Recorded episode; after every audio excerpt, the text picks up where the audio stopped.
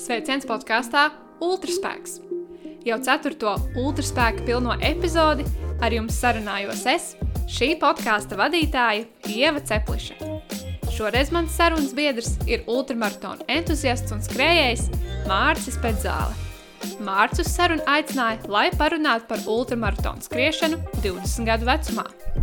Par savu spēku pierādīšanu dažādās ultrās, par to, kā ir skriet pa šosei lielā karstumā, skrienot Rīga Valmiera 107, par brīvprātīgo darbu skriešanas sacensībās, pirmo maratonu cēsīs kopā ar Tomu Grēviņu dod 5 laikā un motivāciju dzīvi saistīt ar sportu, klausies sarunā.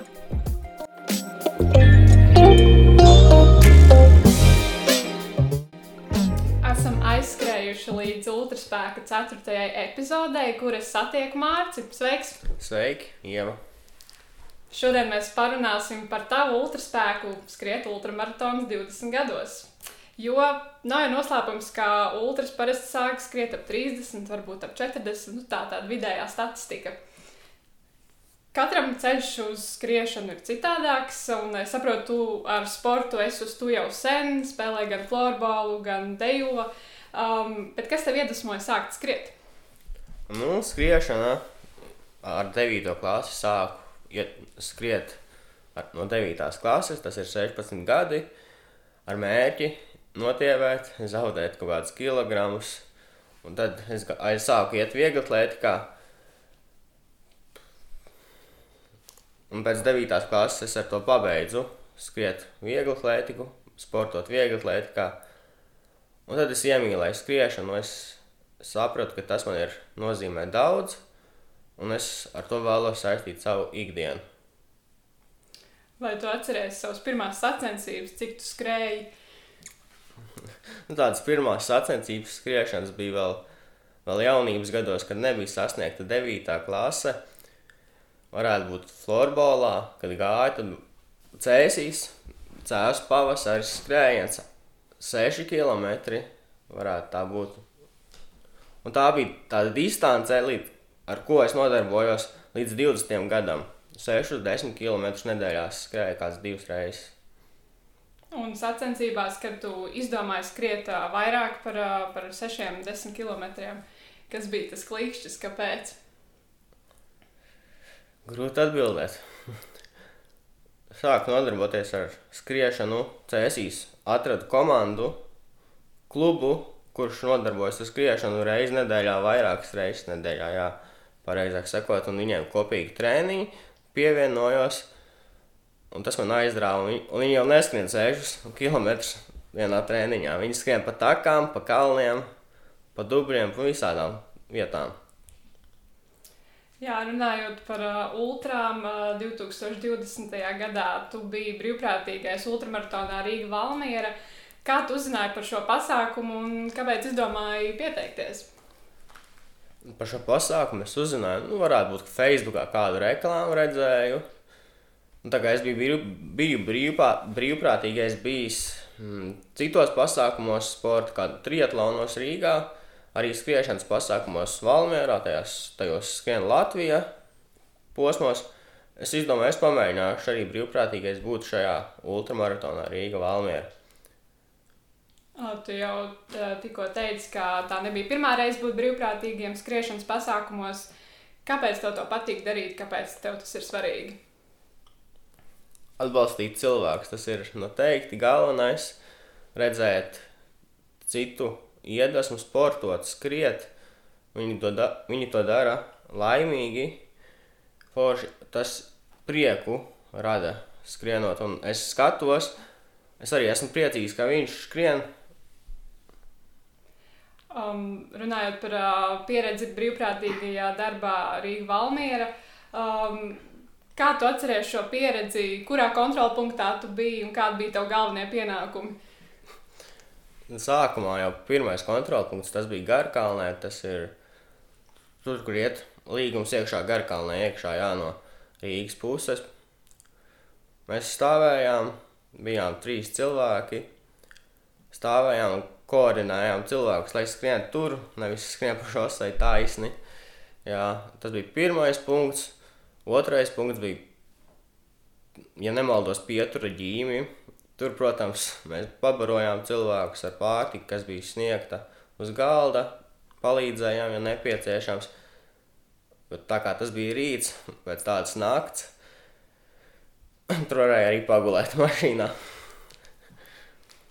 Kā tu vispār atceries, kādas bija tavas emocijas, redzot to, kas notiek ar šiem skrejējiem, veicot šādu distanci? Es domāju, kāpēc man to neizmēģināt? Kāpēc cits stāsta, ka tas ir tik grūti? tad es sapratu, es arī gribu pamēģināt. Es noliku savu mērķi nākošajā gadā, es gribu startēt un es gribu finišēt. Es startēju un arī finišēju. Protams, neiekļāvos savā mērķī. Un tagad es cenšos to uzlabot, protams, savu fo fizisko formu, lai, lai 2022. gadā es varētu startēt Rīga Valmiera un pietoties savam mērķim. Manuprāt, lielisks stāsts par to, ka redzot to, kā cilvēki veic šos 107 km, uzreiz iedvesmoties skriet arī pašam. Jo es atceros savu pirmo reizi 19. gadā, redzot to, kas notiek trasē. Nu, es biju ar muti vaļā visu nakti rītu. Es biju vienkārši šokā, man tajā laikā likās 5 km ir ļoti daudz. Es vispār nesapratu, kā ir iespējams noskriet tik daudz, bet nu re kā var. Un, uh, Nu jā, kā jau teici, nākamajā gadā, kas bija pērn, 2021. gadā, tu pats stājies uz Rīgas Valmieras starta līnijas. Um, kā tu gatavojies šim skrējienam? Tur jau nebija gatavošanās. Es vienkārši aizdīju vairāk treniņus, es vairāk akcentēju savus treniņus uz asfaltu. Bet, protams, arī sanāca takas, jo arī tas gads bez tauku sacensībām nebija iedomājams šogad. Man ir jau plāns sastādīts katru nedēļu savādāks plāns. Tam es tiekšos, darīšu to, kas ir nedēļas darbs. Iešu pa asfaltu, skriet vairākus kilometrus dienā.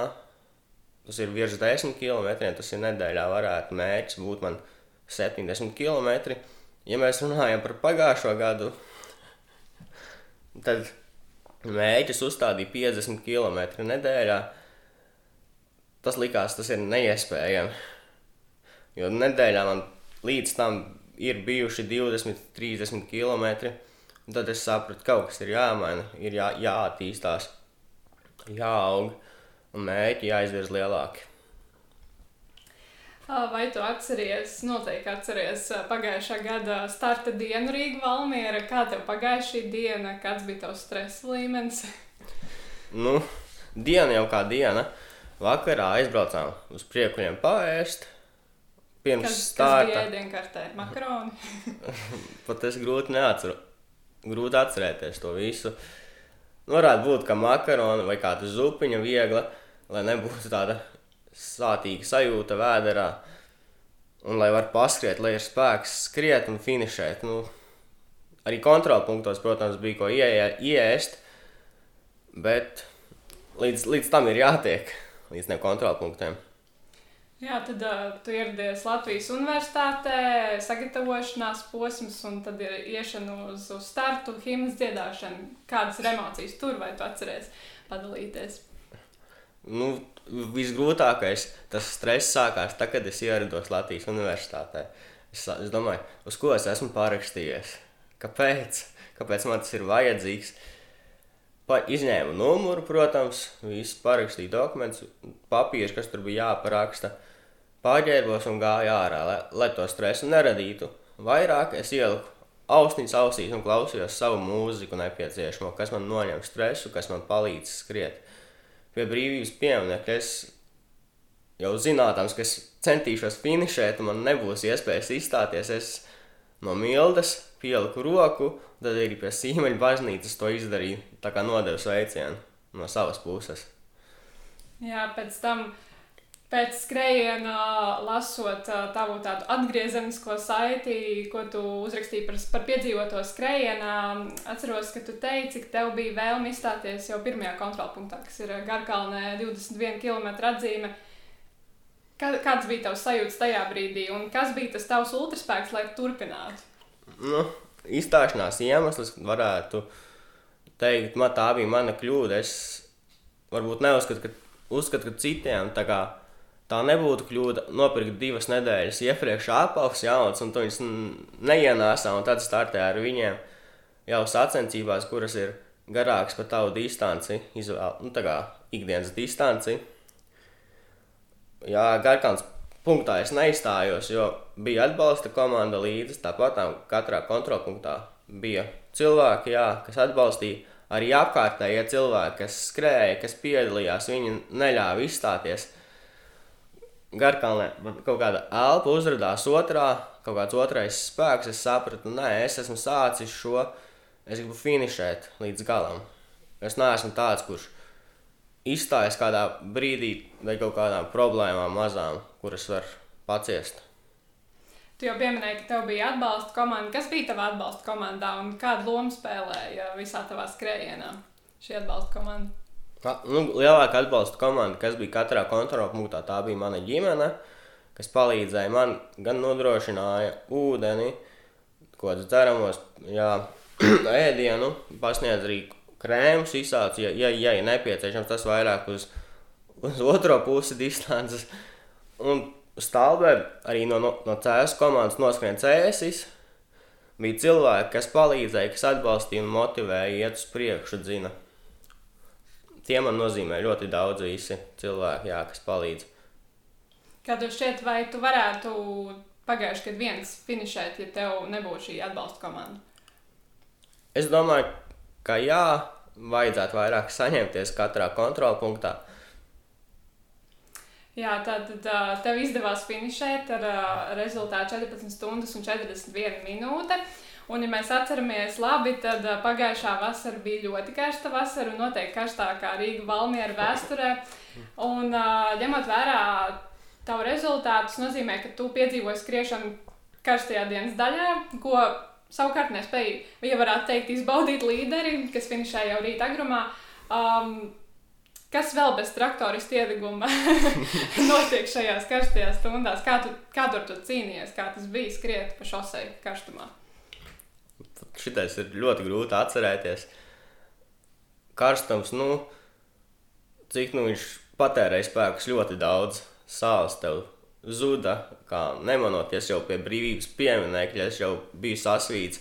Nakts laikā kaut kāds vējš uz šoseis pirmajos kilometros papūta parādījās saule, forši skati. no karstuma es sāku sajust tikai Valmjerā, ierodoties pēdējā kontrolpunktā, sasniedzot 100 km. Jā. Un tad kaut rāpus līdz finišam, bet es gāju uz finišu. Vai tev bija kaut kāds plāns, vai tu biji plānojis kaut kā, kā tu dalīsi, nezinu, galvā posmus trasē, vai, vai tev izdevās pie tā plāna pieturēties, kā bija, vai tu vienkārši tev bija galvenais finišēt, kā būs, tā būs. Nu, ja mēs laika ziņā skatāmies, man plāns bija diezgan augsts. Negribās jau teikt, bet tās bija 11 stundas. To visu ietekmēja karstums. Kāpēc tā varēja nenotika? ja, ja būtu vēsāks laiks, nebūtu tik karsts, es varētu mēģināt to izpildīt jau pirmajā gadā. Jā.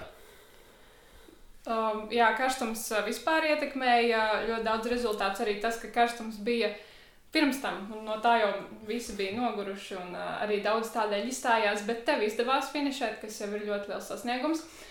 Un, jā, uh, vai tu atceries, ko tev visvairāk kārojās ēst kontrolpunktos? Vai tev bija kaut kāds ēdienu plāns un to pie tā turējies, vai tomēr ļāvi vaļu improvizācijai?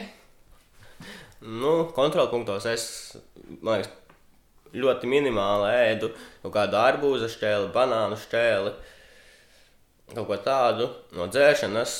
Lielākā, liel, vairāk kontrolpunktos kola, kola, man liekas, katrā kontrolpunktā, kurā, kuros tā bija, tur es paņēmu to, ielēju savā pudelītē un skrēju uz priekšu, un, un skrēju gāju, kad cik jau nu spēka bija palicis pēc katra kontrolpunkta. Jā, jau ceturtā epizode un visās. Mēs runājam par to, ka kolijā kola ir tas. Tur laikam arī slēpjas viens no ultraspēka iemesliem, kāpēc ir iespējams noskriet ultra. Um, kas ir lieliski. Šo varam piefiksēt, kola vienmēr ir lieliska lieta. Um, vai tev bija laiks tajā brīdī, kad tu skrēji, arī atcerēties savu sajūtu no iepriekšējā gada, esot brīvprātīgo pusē? Brīvprātīgiem, protams, ir vieglāk to noskatīties no malas. Es nezinu, ko brīvprātīgie šogad domāja, cik, cik stulbi ir šie skrējēji, kas skrien 107 km šādā laikā pa šosei, kur arī tveica ir liela. Bet atcerēties, savus stāstus no brīvprātīgo pieredzes, skrienot, nē, man nesanāca. Nebija tāda atmiņas uzplaiksnījuma nē, kā, kā veicās iepriekš. Nu, jā, tas arī saprotams, jo, jo prāts ir aizņemts ar citu. Uh, bet uh, runājot par to, kas tam notiek galvā, skaidrs, ka kājām ir jākustas 107 km, kas nav maz un ir garas stundas. Kas notiek uh, tavā galvā tajā brīdī? Vai tu sevi kaut kā motivē, vai tev ir pilnīgi citi, citas domas par citām lietām, Ko tu atceries? Atceros, šos ir taisnīgs ceļš, un tas, arī, tas ir arī viss. Es, es galvā es neko nedomāju. Man bija galvenais finišēt. Kaut, kaut 17 stundās, 18 stundās, bet galvenais finišēt. Vai tu klausies mūziku arī uh, trasē? Jā, mm, tas bija pēc pusdistances, kāds 40, 50 km. Es paņēmu austiņas no atbalstītājiem un tad sāku klausīties mūziku, jo tam man bija beigusies motivācija un es uz priekšu vairs diži nevarēju tikt. Un mūzika tev motivēja? Jā. Um, Vai tu atceries kaut kādus uh, notikumus, atgadījumus uh, par, uh, par trasi? Atceros, tu rakstīji par to, ka tev jau startā 500 metrus pēc starta saplīsa veste, kas tur gadījās, un varbūt bija vēl kaut kas. Nu, tā vēstas aplīsa, atplīsa visi slēdži vai vestai. Un tad viņi nevar, ne, neturējās kopā, bija kaut kā jāsasien. Tad es jūglas punktā viņu nomainīju. nomainīju. Arī atbalstītāji visi palīdzēja. Jā. Sazvanījos ar ģimeni, lai nodrošinātu manu vēsti. Punktā pirmajā tas ir jūglā, nu, tāds kontrolpunkts mazais. Tur nebija nekādas dzēršana, tikai jāizskrien cauri, un tam man iedeva vēsti. Es pārvilku un turpināju skriet.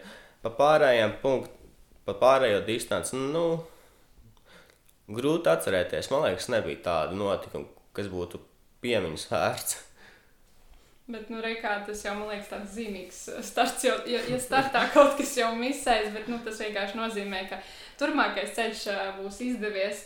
Un tad, jā, nu, tad uh, finiša brīdis, 107 km aiz muguras un ir uh, sasniedzis Sīmaņa baznīcas kliņķis. Uh, Kā tu atceries šo brīdi, droši vien prāts un ķermenis ir ļoti noguris, bet uh, tagad skatoties, kā bija? Tas ir fantastiski. Tas finišējis pie Sīmeņa baznīcas, esi ticis pēc 107 km. Pēdējie 3, kaut kādi kilometri, tur, kur tas tilts Valmjerā, man liekas, tie bija tādi visilgākie. Un visilgāk viņi gāja. Tā kā tu zini, ka tev baznīca ir soļu attālumā, bet tu ej, vai tu skrien, un tu neredzi viņu. ja mēs Rīgā pie Luksforiem sagaidījām brīžiem to zaļo, vai skrējām pie tā paša sarkanā, tad es Valmjerā, esot pie Luksafora, es stāvēju, gaidīju kaut otro sarkano, lai viņš paiet, un tad viņš tad parādās zaļais, un tad es varu lēnām klibot uz priekšu vai skriet. Jā. Bet tas brīdis, finišēt bija patīkami, kaut kādas prieka asaras radās. Pēc tam es nevarēju pastaigāt. Jā, tieši gribēju jautāt, kā tad bija ar to sajūtu, kā, kā tu pēc tam atjaunojies, kā bija nākamās dienas? Nu, pēc tam mēs pēc finiša kaut ko pasēdējām ar, ar kalnu, izdzērām tur kaut kādu aliņu, parunājām, papļāpājām par šo pašu maratonu, ultra nolasīju, teiksim, morāli, tur bildēs ir redzams, kā viņš lasa morāli. Nu, teiksim, tā lasa morāli. Protams, tā nebija. Parunājām forši. Čo, cik tur pāris aliņš bija izdzērs, kamēr es tur tos 7 km veicu. Es viņam uzrakstīju, jā, es tad esmu 100 km sasniedzis, un tagad es pēc 7 km būšu finišā. Tie 7 km, man liekas, man ilgākie manā sporta karjerā stunda 30 Un tas finišs pēc tam aizgāja lejā nu, uz skolu, pārģērbos, pagulēju, iegāju dušā, un tad es pastaigāt nevarēju. Tā kā bija tur tās masāžas arī pieejamas, es nebiju uz viņām spējīgs aiziet, jo es sapratu, nē, es gribu ātrāk mājās pagulēt un atcerēties pēc tam šos notikumus ar labu skatu. Jā, Jā sveiciens Kalvim, kurš arī uh, ir vairāk kārt pievērējis šo distanci, um, bet uh, nepilnu nedēļu, sešas dienas pēc Rīga Valmiera finiša. Uh, tu jau startēji Smiltenes Stirnbukā, Stirnbuka distanci, un uh, joprojām ir vasara, ir joprojām šis pats lielais karstums. Uh, kā tu jūties, un vai tu darītu to vēlreiz, uh, tik ātri pēc Rīga Valmiera finiša startēt citās sacensībās? Nu, sākumā jau vispār tas, ta, tas Rīga Valmiera datums, man liekas, vēl nebija ielikts kalendārā, bet tad no noskrien cēsis, Mani pierunāja pieteikties Vilgaču maratonam, kas man tā liekas bija nedēļu, divas pirms Rīga Valmiera. Es domāju, labi, es mēģināšu atjaunoties uz Rīga Valmiera, jo tas man ir galvenais starts gadā. Kaut kā es arī atjaunojos, tas nebija tik grūti, jā, tāpat tās treniņus ņēmu. Un tad aizgāju uz starta Rīga Valmiera, finišēju. Un tad bija grūti, kādas 3-4 dienas es pastaigāt es nevarēju, man bija grūti. Un es domāju, kāpēc esmu pieteicies tam stirnu bukām smiltenē. Jo es zinu, ka tās ir takas, es zinu, ka stirnu bukā būs kalni, būs grūti ar viņiem. Man, tā ir tāda mana mī, mīnus manā sportā, man ir kalniem grūti. Jā, un es atjaunojos, viss bija forši. Tās pie, piecas dienas pagāja, es atjaunojos, es biju gatavs braukt smiltenē noskrēju mm, tādā normālā līmenī. Protams, savā līmenī, normālā. Tā kā, nu, tā. Vai es to piedzīvotu vēlreiz? Es domāju, jā, es būtu, ja man būtu nepieciešams, man teikt, ka man ir jāskrien kaut nākamajā dienā, es to mēģinātu darīt. Jo skriešana man aizrauja ļoti. Tajā brīdī tu vienkārši centies droši vien tā lieta, ko tu mīli, tev novērš domas, bet, nu, rekā pierādās, ka tev ir tas ultraspēks, lai, lai spētu, lai, lai iet un darītu. Un, bet kā tev šķiet, vai tādā veidā tu sevi nenomoki, ja tu tik ātri startē, vai tev ir tajā brīdī vienalga, kad tik paskrien? Nē, nu, protams, tās ir mocības, jā, kaut, kaut kā sevi nomoki, kā iekšēji, bet varbūt to nejūtu tagad to jutīs vēlāk, kad būs vairāk gadi, to tu jutīs noteikti, kad tu esi nomocījis sevi jaunībā un nebūs vairs tāda spēka, lai sevi izliktu trasē, parādītu un, un skrietu tur, kur vajag. Jā. Nepieciešams, jā. Ultramaratonistiem jau tas tāds, man liekas, raksturīgi. Mazliet patīk sev pamācīt, bet tas jau, tas jau labi. Um, jā, arī Valmiera nebija vienīgais tavs ultra garais starts. Pērn arī um, rudenī piedalījies, kurš kāps 47 km trasē Lietuvā, um, kas ir taku sacensības. Kā tu salīdzini šīs abas pieredzes Lietuvā? Ja tā distance ir uz pusi, mazliet vēl tā Īsāk, īsāka, jā. jā, bet uh, tomēr tās ir takas. Kā tu salīdzini, kā tev veicās? Nu, protams, Rīga Valmērtas rezultāts. Ja salīdzina ar takām un to distanci, 47 km, protams, šajā skrējienā pa asfaltu. Tas ir mans dzīves ceļš uz asfalta. Es, es tur redzu sevi skrienot. Un tas rezultāts bija labāks šeit, Latvijā. Bet tā kā es izdomāju pieteikties, tā ir jauna pieredze, jaun, apceļo valsti, jaunu, arī iepazīst jaunus draugus, nu, cilvēkus, kuri kļūst, kļuvuši par draugiem. Jā, tie skati tur bija burvīgi kontrolpunktos arī viss tāds foršs piepildīts. Tur bija kola, tur bija enerģijas dzērieni, kaut kādas žēlējas, konfektes, arī banāni. Tagad es zinu, ka es skriešanā varu kontrolpunktos arī ņemt enerģijas dzērienu, ie, ieliet savā pudelītē un turpināt uz priekšu. Tas man grūtības nesagādāja. Tur bija forši kalni, gar jūru skriet, gar paplūdmali. Tas varētu būt tāds izaicinošākais, tur, kas tur bija. Jā, tur uh, vairāk vide mainās. Kā tev šķiet, um, uh, piemēram, Rīga Valmiera, tur pie tam ir ļoti garš naktas posms un tikai šosei un taisni, kas ir tāda monotona skriešana, nu, ka vide nemainās īsti. Kas tev pašam labāk patīk, ka vide mainās, un tev ir vairāk, ja tu nezini, tā kā jādomā, kur likt kāju, lai nepakluptu? Kā, kā tev ir ar šo pusi? Kā tev patīk, ka, ka vide mainās, vai ka tieši šosei un domā tikai taisnu uz priekšu? Nu, pat tā vidē es teiktu, ja tu skrien pa mežiem, jā, vide mainās, ir forši skati, tu maini savu apkārtni, tā kā skatījumu, tu iegūsti vairāk emocijas, gandarījumu. Tas pozitīvs nāk arī no meža tevī. Uz ceļa skrienot uz asfalta, tā kā tev ir taisni jāskrien, tad nekas nemainās. Tu skrien tikai uz priekšu. Varbūt cilvēki mainās, kas tev paskrien garām, kas tev skrien blakus. Jā, tādi mainās. Nu, Rīga Valmiera skrējienā nemainījās ļoti bieži. Skrējām kaut kādi pāris cilvēki kopā, jā. Tam mēs arī attālinājāmies viens no otra, un tad arī kaut kā finišējām viens pēc otra. Kā vai nu es pirmais, vai kāds cits pirmais. Jā. Jā, vai tev šie cilvēki, kas ar tevi skrēja kādu gabaliņu, vai tie arī tev motivēja, novērst domas jūs viens otram par, par to, cik garš ceļš vēl priekšā, vai kāda bija tur? Nu, par to ceļu priekšā, cik garš vēl to jau es jautāju. Ja Rīgā pie Alfas esot, satiku Jānis, prasa, cik vēl daudz jāskrien. Jā, un arī nu, tā par, uz trases parunājāmies tāpatām par citiem skrējējiem, jā, tur kaut kāda mārca arī Kārkliņš, Mārcis, Jā, Artūrs, Krūmiņš. Nu, tādi cilvēki, jā, satikt forši. Pirms tam es viņus nezināju, tagad es viņus zinu.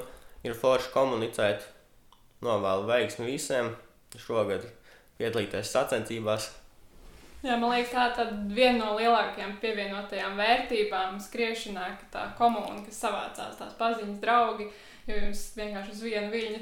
Īpaši, ja jūs esat finišējusi tādu kā Rīga Valmiera, tādu, tādu kopīgu notikumu, tad jo sevišķi. Um, Tu esi viens no tiem, kas uh, izvēlas skriet ultras vēl pirms tā kārtīgi izskrienot maratonus, nu, tādus 42 km tādas sacensības. Um, uh, Un tāds pirmais, tāds smukais, 42,2. Tev uh, bija tieši cēsīs no, no tavas pilsētas. Um, Un, protams, loģiski, ka tu jau biji noskrējis vairākus maratonus, tu finišēji arī Valmjerā un Lietuvā, bet tāds, nu, tā, mēs runājam par tādu konkrētu skaitli. Un tas bija pērnā gada nogalē, kad uh, tu piedalījies uh, labdarības maratonu dod pieci rīkotajā skrējienā un pievienoties Tomam Grēviņam. Uh, un tad, kad uh, es uzzināju šīs pilsētas, kur būs jāskrien maratoni, Tomam, un es uzzināju, ka tās būs ceļš. Man nebija nu, ne mazākā šaubas, ka pievienosies uz kādu posmu, bet es nebiju gaidījis, ka noskries visu maratonu. Tas man bija tāds pārsteigums.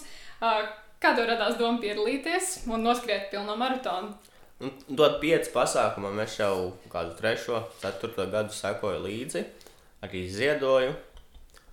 Man, man kaut, kas, kaut ko tas iedod, kad es noziedoju, es varu kā palīdzēt citiem. Man tas gandarījums ir iekšā.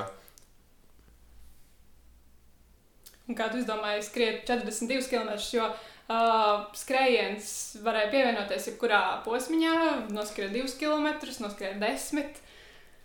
Jā, tur no cēsīm arī bija tādi, kas pēc puses izstājās vai kaut kur pusē pie vidzemes tehnoloģiju un dizaina tehnikuma pievienojās, jā, un pēc tam finišēja līdz galam es izdomāju, labi, es sākšu ar Tomu, Un kāpēc man, fi, kāpēc man finišēt kaut kur vidusdaļā, ja es varu noskriet visu, ja man tas ir pa spēkam un tās manas dzimtās pilsētas CS.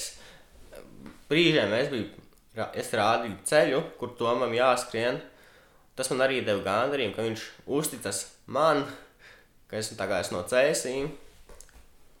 Jā, es atceros, ka mums bija arī uh, diezgan liels prieks, kad ir, ir kāds vietējais, kas rāda ceļu, jo tu jau pats labi zini, ka ceļš ir tāds pa kalniem pa lejām, un mums bija jāizvairās no, nu, vajadzēja pēc iespējas taisnāk posmu, tāpēc labi, ka ir kāds, kas var parādīt. Um, jā, arī čau Tom, ja tu klausies, un uh, es atceros, ka Toms arī tev pēc tam pateica lielu paldies, ka noskrēnis arī tev saka, jo uh, Tas ir lieliski, bet tā bija diezgan liels augstums arī. Tu atceries, kā tev veicās ar to, kad bija augsts un jānoskrien. Tomēr tas hm. bija. Nu, es pat nezinu, es gāju no mājas. Bija kādi mīnus 3, mīnus 4 grādi. Rādīja. nu, augstums. Galvenais ir saģērbties silti, lai nav karsti nepaliek skrienot, lai tu ja, ja vajag, tad tu vari nomainīt drēbes kādā punktā. Jā, mums bija tādi punkti arī, kur apstāties. Kādu tolis pauzi, kādu ēšana punkts, jā. Tur var nomainīt drēbes. Protams, arī varēja izstāties jebkurā brīdī, ja tiešām grūti, jā. Bet, nu, tas man nesagādāja tādas grūtības. Mm. Man šķiet, tāda interesanta tā, tā pieredze, ka Rīga Valmēra tas ir nenormāls karstums, tad ir maratons gada beigās ar pie diezgan liela arī augstuma, jo es atceros, bija arī mīnus desmit kādā brīdī. Um, Kas tev pašam labāk patīk? Karstums vai augstums labāk? Nu, labāk jau karstums. Jo augstumā ir grūti arī saņemties, iziet ārā un sākt skriet. Ir mājās jāsaģērbjas, daudz drēbes jāuzvelk. Nav tik vienkārši jāiziet ārā un skriet. Jāuzvelk to tās trīs kārtu drēbes, un tad te ārā skriet, un pēc tam tev tas, tev tas viss jādabū ir nost. Vasarā tu uzvelc vienkārši šortiņus, krēklu un ej skriet. Un tad vienkārši arī to pašu var arī skriet bez krākla, protams, kā jau nu, ir, ir zināms. Un vasarā, nu, silts laiks, forši, patīkami. silts, jā, tas man patīk vairāk tādā laikā skriet. Jā, tu esi, man liekas, viens no tiem, ko var redzēt ļoti bieži bez krakla trasē. nu, nu, tā jau nav. Varbūt no 20. gada, ne 21. gada tā varbūt. Jā, bet, nu. nu, es jau pamanīju. Nu, vienkārši ir reti, kurš tur finišē. Um, Varbūt, bet. Nu, kādreiz finišā, pirms finiša es novalku krāklē. Nu, tā. Tur ir kaut kāds arī ultraspēks tam apakšā, vai tas ir vienkārši? Nē. Jā, dzintars ļoti bieži jau visu trasi skrien bez, bet nu, tas laikam tāds interesants vienkārši temats, jo man vienmēr licies interesanti, kāpēc vīrieši to izvēlas skriet ar vai bez, jo nu, es vienkārši domāju, vai tas krekliņš arī tiešām tik daudz ko prasa, bet nu, labi, ne man par to spriest. Um, bet, uh, nu, ja jā. ir iespēja skriet bez krākla, nu, kāpēc ne? Var nosauļoties mierīgi arī vasarā. Jā, izvairīties no tā traktorista iedeguma. Nu, tieši tā. um, jā, tu jau ieskicēji par to, ka tu jau dod pieci ziedoji vairākus gadus, un tad uh, tagad tu pievienojies dod pieci skrējienam, un arī noskrējīgi Valmiera, kas ir labdarības ultramaratons. Um, Vai tev ir svarīgs šis labdarības aspekts, šis koncepts, skriet, lai kādam palīdzētu? Nu, tādās sacensībās piedalīties, jā, ja var palīdzēt, ja tas dod kādam citam kādu labumu, esmu gatavs ziedot naudas ziņā, arī savā ziņā, jā, lai, lai es varu palīdzēt tam cilvēkam, tiem cilvēkiem, kam tas ir nepieciešams. Jo man ir grūti nostīties uz citiem, kas nevar darīt to pašu, ko lielākā daļa cilvēku piedalīties, staigāt, nodarboties ar aktivitātēm, jā, kā citi to var. Jā, bieži vien arī tajā pašā Rīgā valmērā, kad tu ieraugi tos sargaņģeļus, kam tiek vākts nauda, tad liekas, kādas vispār man ikdienas problēmas ir, jā. paskatoties uz viņiem, un arī to, to dzīves prieku, to dzīves sparu, kāds ir viņu acīs un darbos. Jā, um, tu biji viens no pirmajiem, kas pateica, ka būs arī starts Rīgā valmērā šogad, 2022. gadā. Kāpēc? nu, man, man patika mans video, ko es saņēmu no Ievas un Matīs, tas ir no tevis un Matīs. Jā, es neko tādu nebiju gaidījis. Tas man iedvesmoja vairāk skriet, piedalīties šogad arī. Bet es jau nu, pēc 2021. gada Rīga Valmērā pagāja nedēļa, divas, un tad es sapratu, es gribu uzlabot rezultātu arī nākošajā gadā. Un es piedalīšos jā, šogad, cerams, aiziešu uz stāstu un finišēšu ar savu izvēlēto laiku, kādā es gribu finišēt. Nu, manuprāt, burvīgi, jo uh, ļoti bieži ir tā, ka nu, vajag attiekt kādu laiku. Bet tajā pašā laikā es arī zinu, ka ir ultramaratons, ultramaratons tiem tā īsa atmiņa, kad jā, jā. pāris stundas pēc no sākuma ne, nekad, nekad. Un tad jau skatāmies, kur tad nākamais, kur tad nākamais. Nu, ko? tā jau bija trases vidū, jā, tu domā, kāpēc tu to piedalījies un vai tu to vēlēsies piedzīvot vēlreiz. Mm -hmm. Nu, forši. Es uh, būšu priecīgi te redzēt uh, gan startā, gan, uh, gan finišā Valmjerā. Um, jā, un tad. Kas tad ir tālāk plānā, vai, vai pēc Rīgas valmiera būs Spartatlons, vai kas tev ir plānā vēl pa ultrām? Nu, pa Spartatlonu es nezinu, es neesmu domājis tik tālu, jā. Kolēģi darbā man stāstīja, kad man, kad redz viņi mani tādās UTMB sacensībās, tās tāku skriešanas, jā, kad es piedalīšos tur. Pēc kādiem pieciem gadiem viņi tur redz man, es arī baigi neplānoju steigties uz priekšu, kaut ko plānot. Es plānoju, šim gadam esmu jau plus mīnus saplānojis savas sacensības, kurās es vēlos piedalīties, jā, un tām es arī tikšu cauri. Varbūt var padalīties Rīga Valmiera, vēl kāds starts, ko tu vari atklāt, kas tev padomā. Nu, padomā ir cēsīs ekotrēlis, ja viņš notiks. Igaunijā tur arī kaut kāds ultramaratons tāku, jā, tur ir jāsplāno ar ekotrēlu un šo Igaunijas ultramaratonu. Tad ir Vilkaču maratons, kas notiks laikam 9. jūlijā. Mm, kaut kāds tirnu buka posma, trīs vismaz vasarā, jā. Arī droši vien ultramaratons Sigulda, nu no Siguldas uz Cēsīm vai kā tur būs šogad, es nezinu. Jā, kaut kas tāds, bet maziņas ir. Um, tad man vēl ir jautājums, uh, es iesāku to Spartatlonu, jo uh, ir tāda um, uh, lieta, ka tie, kas finišē Spartatlonu, viena no tādām populārākajām lietām, ko pēc tam izdarīt, ir uh, ietatuvēt. Un uh, tu jau runāji par to Rīgu Valmieru tetovējumu, vai būs, vai būs Rīga Valmieru tetovējums tev? Es domāju, ka jā, būs, esmu tam gatavs, bet es vēl nezinu, kādu man viņu gribās. Es gribu, es gribu savu laiku un kādu cilvēku, nu, sevi radīt uz sevis, lai nu, tā kā skriešana un laiks arī tur pierakstīts, protams. Bet tiem laikiem, kāds es tur gribētu rakstīt, katru gadu savādāk, ja, protams, tas ir uzlabots, tad es viņu gribu uz, uz, uz, uztetovēt uz sevis. Jā. Jā, manuprāt, ļoti drosmīgs lēmums, bet nu, gaidīsim. Um, Varbūt šogad jau arī būs redzams trasē kāds no tiem. Nu, rekā. um, noteikti tie, kas klausās, pievērsiet uzmanību. um, jā, um, kā jau teicu, sākumā, ka bieži vien cilvēkiem vajag ja tur noskriet vairākus gadus maratonus, vai, vai viņiem vēl vajag pusmaratonus paskriet. Uh, un tikai tad viņi pievēršas ultramaratoniem, kas nu, tad sanāk apmēram ap 30 gadu vecumu. Uh, Kā tev šķiet, kas ir tā tā priekšrocība, ka tu jau sāki tās ultraskriet ap 20 gadiem, vai varbūt tu jūti kādu trūkumu, kas tev šobrīd ir? Mans trūkums tas ir morāli. Man galva ir jāskārto, lai es varētu efektīvāk, produktīvāk to visu skriet. Bet man ir daudz cilvēku, kas noskrien primāri ultra un pēc tam noskrien maratonu. Tas ir arī mans piemērs. Es Esmu noskrējis ultru, arī 20. gadā es noskrēju ekotrēlu 50 km. Un tas jau nav parasts maratons, tur ir pat takām. Jā, tad es pēc tam skrēju Rīga Valmieru. Un pēc tam es vēl rudenī, nu tagad rudenī, pirms ziemas, kā jau teica, piedalījos maratonā Cēsīs, kur ir 42 km. Um, jā, tas ir viens tāds interesants stāsts arī, par ko es runāju šajā podkāstā. Ka bieži vien uh, reāli pirmā ir ultra un tad tikai maratons, kas ir. Nu, man, man šobrīd tas neslēdz galvā, bet un, un vēl tā, tas izteikums, ka noskriet uh, to ultra ir vieglāk nekā maratona. Kā ir tavā pieredzē, kā tev šķiet? Es nezinu, maratons 42 km. Es, es ne, nevaru tā paredzēt, pastāstīt par šo. Esmu tikai vienu maratonu veids. Man kaut kā tā ultra vairāk uzrunā tas kilometru daudzums, tu gribi pārvarēt savas spējas, uzlabot sevi, pasīties, uz ko tu esi spējīgs. Jo maratonam tu vari sagatavoties, jā, cik tur nedēļās, mēnešos, varbūt ultrai bišķiņ vairāk laiks nepieciešams, lai tam sagatavotos ar labu rezultātu finišētu.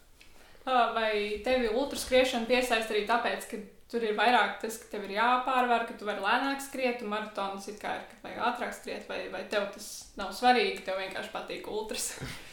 Nē, man tas nav svarīgi. Man galvenais ir startēt un finišēt. Vienalga, kāda distance būs, cik grūti ies trasē, es nepadošos un es finišēšu. Un, tā kā šis podkāsts skan studentu mēdījā, nevaru nepieminēt faktu, ka tu arī uzsāki savas studijas un šobrīd studē Latvijas Universitātē, lai kļūtu par sporta treneru. Tā ir. Tā ir. Un kāda vieta studijās? Nu, attālināt mācīties, tas ir ļoti sarežģīti. Mājās nav motivācijas, tas labi. Tagad tev ir studijas, tev ir jāpieslēdzas attālināt, bet nav tās motivācijas. Tu, tu negribi klausīties, sēdi mājās, varbūt ieslēdz to studiju un klausies, it kā klausies, bet tu paralēli dari vēl kādus citus darbus, tā kā tu esi klātienē, tad tu tikai klausies un tev citi darbi paralēli vēl kaut kādā galvā neienāk, un tu nevari darīt viņus. Jā. Jā, es arī par to varu piekrist. Jo viena no populārākajām lietām, ko es daru, ir uh, uzslēgt Zoom un uh, sludinu veļu. Tas tā. Nu, savā būtu jau gulēt arī interesanti tā mm. studiju laikā. Jā. Kaut ko tu uzslēdz, bet labi, ka kamera nav jāslēdz iekšā. Jā, tu, tu vari pagulēt, aiziet. nu, kā. Uh, bet kā tu vispār izdomāji studēt, lai kļūtu par sporta treneru, un kāpēc tev vispār ir svarīgi saistīt, uh, nu, sanāk, principā visu dzīvi ar sportu? Nu, kā jau teicu, man no 16. gada sports ir aktuāla tēma. Un es gribu strādāt gan par sporta treneri, gan par sporta skolotāju. Mans, jo tā kā es mācījos arī tehnikumā, man pieredze eh, rāda, ka cilvēki bez zināšanām, tādām lielām zināšanām, bez mērķa kaut ko iemācīt skolāniem, tas nav vajadzīgs skolās ir vajadzīgi zinoši cilvēki, kas padalās ar savu pieredzi un ir ar savu darbu apmierināti. Jā, manuprāt, ļoti svarīgs uh, aspekts, um, lai būtu motivēts arī sporta skolotājs. Jo gan manā pieredzē, gan ļoti daudz arī tas pats Matīs Vecvagars stāstīja, ka skola iedzena riebumu pret sportu, riebumu skriet, nekad mūžā, bet, nu, ne, kur mēs visi esam. Tomēr tā kā. Nu, sports ir, man liekas, aktuālā stunda, ko es tehnikumā, man liekas, centos neizlaist. Uz katrām sporta stundām gāju. Man liekas, pat biežāk uz sporta gāju nekā uz citām stundām, kas bija, aktuālākas. Bet, nu, sports, sporta sameklē bieži. Jā, jo sports ir lieta, kas man nozīmē daudz. Jā, um, kāpēc tu, un vai vispār droši vien, ka jā, uh, bet kāpēc tu ieteiktu jauniešiem mēģināt skriet ultras un uh, uzreiz, varbūt jau pirms maratona, vai kas ir tas ultrās, kas tev šķiet, kāpēc to vajag darīt, un arī jauniešiem? Vai jauniešiem to vajag darīt, es nezinu. Bet Man tu pat... to dari, tāpēc nu, es, es to daru. nu, cik, nu, nu, tā, tā ir motivācija. Kustēties, nevis sēdēt mājās. Mājās, es nezinu, nu, grūti ir saņemties kaut ko darīt. Bet, ja tev ir mērķis, uz kuru tu tiecies, tad tu ej ārā, sporto, tad tu izvirzi sev mērķi un tu uz viņiem tiecies. Un tad, kad tu izpildi to vienu mērķi, tu vari paaugstināt to mērķi un tiekties vairāk pēc tā. Vai ir kaut kas uh, ultrās, uh, kas tev, nu, jau ieskicēji, bet varbūt ir vēl kaut kas, kas tev ultrās tieši piesaista, lai skrietu viņas, nu, un trenētos viņām, un kas nav citos skrējienos, vai ko tu nevari iegūt treniņos, vienkārši skrienot. Kilometru daudzums, protams, ultrās Jo ultras ir ultras, ja tu piesakies, tad tev ir jāiet un jānoskrien tie kilometri. Treniņos tu vari izvēlēties savu distanci, jā, kā tu veiksi. Ultrās ir tiešām sapazīšanās ar citiem cilvēkiem, kuri arī ir tā, ar tādu pašu domāšanu kā tu, izgājis uz starta, palīdz tev trasē, arī ārpus trases, es domāju, ikdienā, ja vajadzīgs, tad var pajautāt palīdzību arī. Un uh, droši vien ultras arī ir tāda lieta, ka mentāli ļoti daudz kas notiek galvā, skrienot vai pēc tam, un, uh, un vai tev bija kosmosa galvā Valmērā ieskrienot? Man bija jautājums, kā es to izdarīju. un tagad es kā, sapratu, ka es varu izdarīt vairāk nekā man, man galvā to saka. Ka es varu tikai noskriet maratonu kaut kādus 10, 20 km. Es izdarīju šo, un tagad es es zinu, ka es varu izdarīt vairāk nekā man saka kāds, piemēram, kolēģis vai nu, kāds cits. Es varu izdarīt vairāk nekā es pats sev ticu. Ja, kur tā spēja pārkāpt kaut kādai savai iedomātai robežai, jā, ultrās. Nu, lieliski. Es um, ceru, ka tev šogad izdosies uh, sasniegt tavus uh, plānus, un uh, es varēšu tevi sveikt arī Valmiera finišā, tavā ieplānotajā laikā. Un lai tev izdodas arī pārkāpt vēl jaunas robežas un, un sasniegt uh, savus mērķus. Un, uh, tas, ko vēl es vēlos šodien no tevis uzzināt, ir uh, tava spēka dziesma, ko tu vēlēsies iekļaut ultraspēka playlistē. Nu, bija tāds vairākas. Es, domāju, vairākas dziesmas, jā, man bija tāds, ko es varētu nosaukt.